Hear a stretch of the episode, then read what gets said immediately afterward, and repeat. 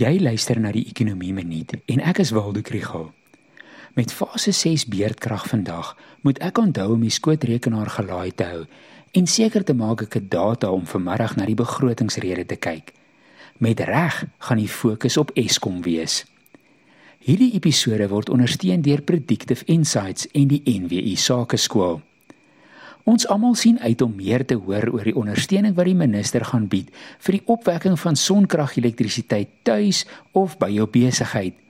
Maar die belangrike aankondigings gaan oor Eskom se skuld. Dit is reeds amptelik aangekondig dat die regering of dan nou die belastingbetaler 'n gedeelte van Eskom se skuld gaan oorneem.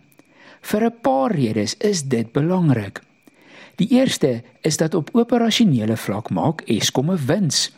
Omdat hulle egter eers die rente op hulle skuld moet betaal, maak hulle jaar vir jaar 'n verlies en staan die regering in met 'n reddingsboei. Om 'n deel van daardie skuld oor te neem is nodig om hulle lewensvatbaar te kry. Veral met die ontbondelinge in gedagte. Met 'n kleiner skuldlas kan 'n nuwe transmissie-entiteit weer geld leen om belangrike beleggings in die netwerk te maak.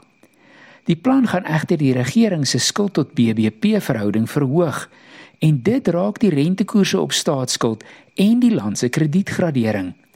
Dit moet dus versigtig deurgevoer word en daar is baie besonderhede wat nog onbekend is. Byvoorbeeld, presies hoeveel skuld gaan oorgeneem word? Is dit alles op een slag of is dit 50 of 80 miljard per jaar vir die volgende paar jaar? Gaan die Eskom effekte afgelos word of geruil word vir staatseffekte? En watter voorwaardes gaan die tesourier aan Eskom stel?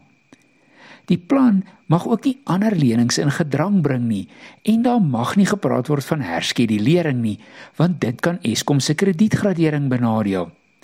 Dit is ingewikkeld en ek dink die perskonferensie met beleggers na die begrotingsrede gaan dalk meer interessant wees as die rede.